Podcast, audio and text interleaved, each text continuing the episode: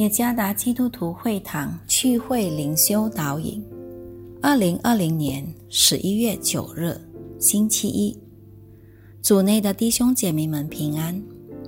今天的灵修导引，我们将会借着圣经约拿书第四章一到十一节来思想今天的主题：谁有资格报复？作者吴恩惠传道。约拿书第四章第一节，这是约拿大大不悦，且神发怒，就祷告耶和华说：“耶和华，我在本国的时候，岂不是这样说吗？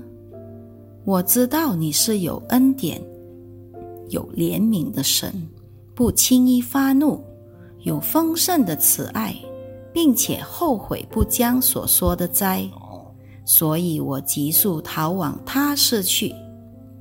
耶和华，现在求你取我的命吧，因为我死了比活着还好。耶和华说：“你这样发怒合乎理吗？”于是约拿出城，坐在城的东边，在那里为自己搭了一座棚。坐在棚的荫下，要看看那城究竟如何。耶和华神安排一颗蓖麻，使其发声高过月拿，因而遮盖他的头，救他脱离苦楚。约拿因这颗蓖麻大大喜了。次日黎明，神却安排一条虫子咬着蓖麻，以致枯槁。日头出来的时候，神安排炎热的东风，日头曝晒月拿的头，使他发昏。他就为自己求死，说：“我死了比活着还好。”神对月拿说：“你因这颗蓖麻发怒合乎理吗？”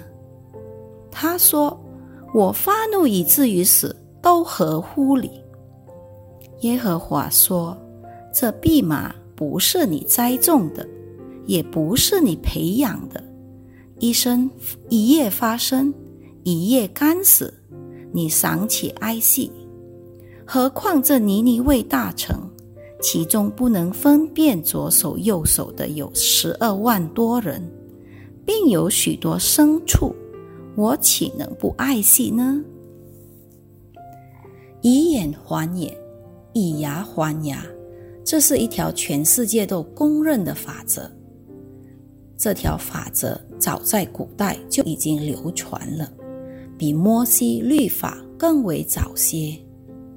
公元前一八七零年，这条法则就已经纳入了汉谟拉比法典，至今还自行着。人类有犯罪的自然天性。往往将会向那些曾经伤害过他，或者让他吃亏的人执行这条法则。我们经常在电视里的新闻看到，或者听到过很多关于许多犯罪的案件，例如凶杀、抢劫、残害等。那些受害者或家人必定觉得受到损失。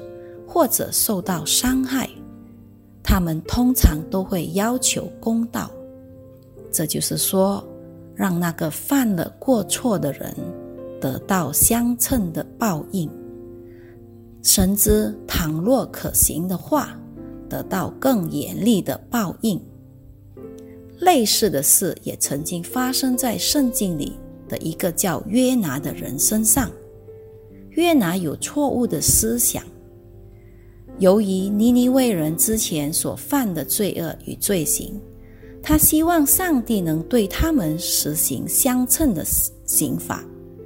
但是，当上帝查看尼尼微人的悔改，离开恶道，他就宽容了他们，不把所说的灾祸降与他们。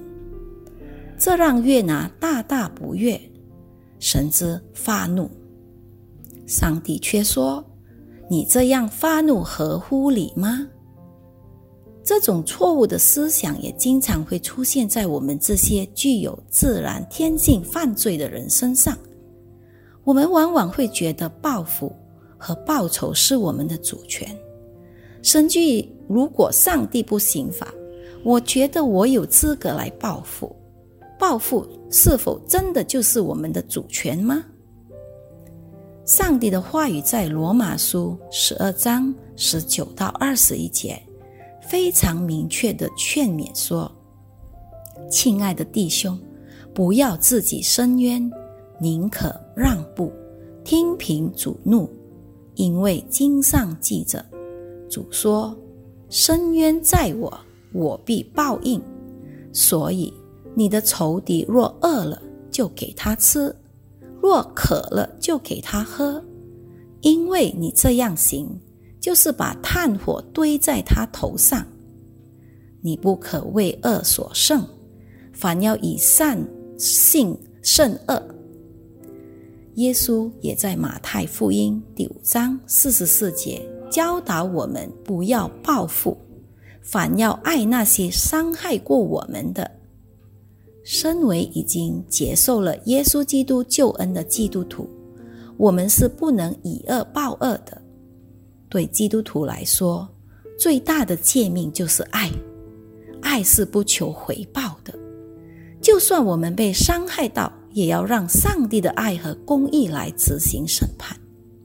罗马书第九章十五节记载说：“我要怜悯谁，就怜悯谁；要恩爱谁，就恩待谁。”相信上帝的怜悯、慈爱与公义。弃掉自私的心态吧。愿上帝帮助我们活出他的真理来。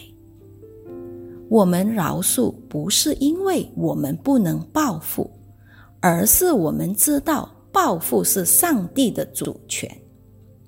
愿上帝赐福于大家。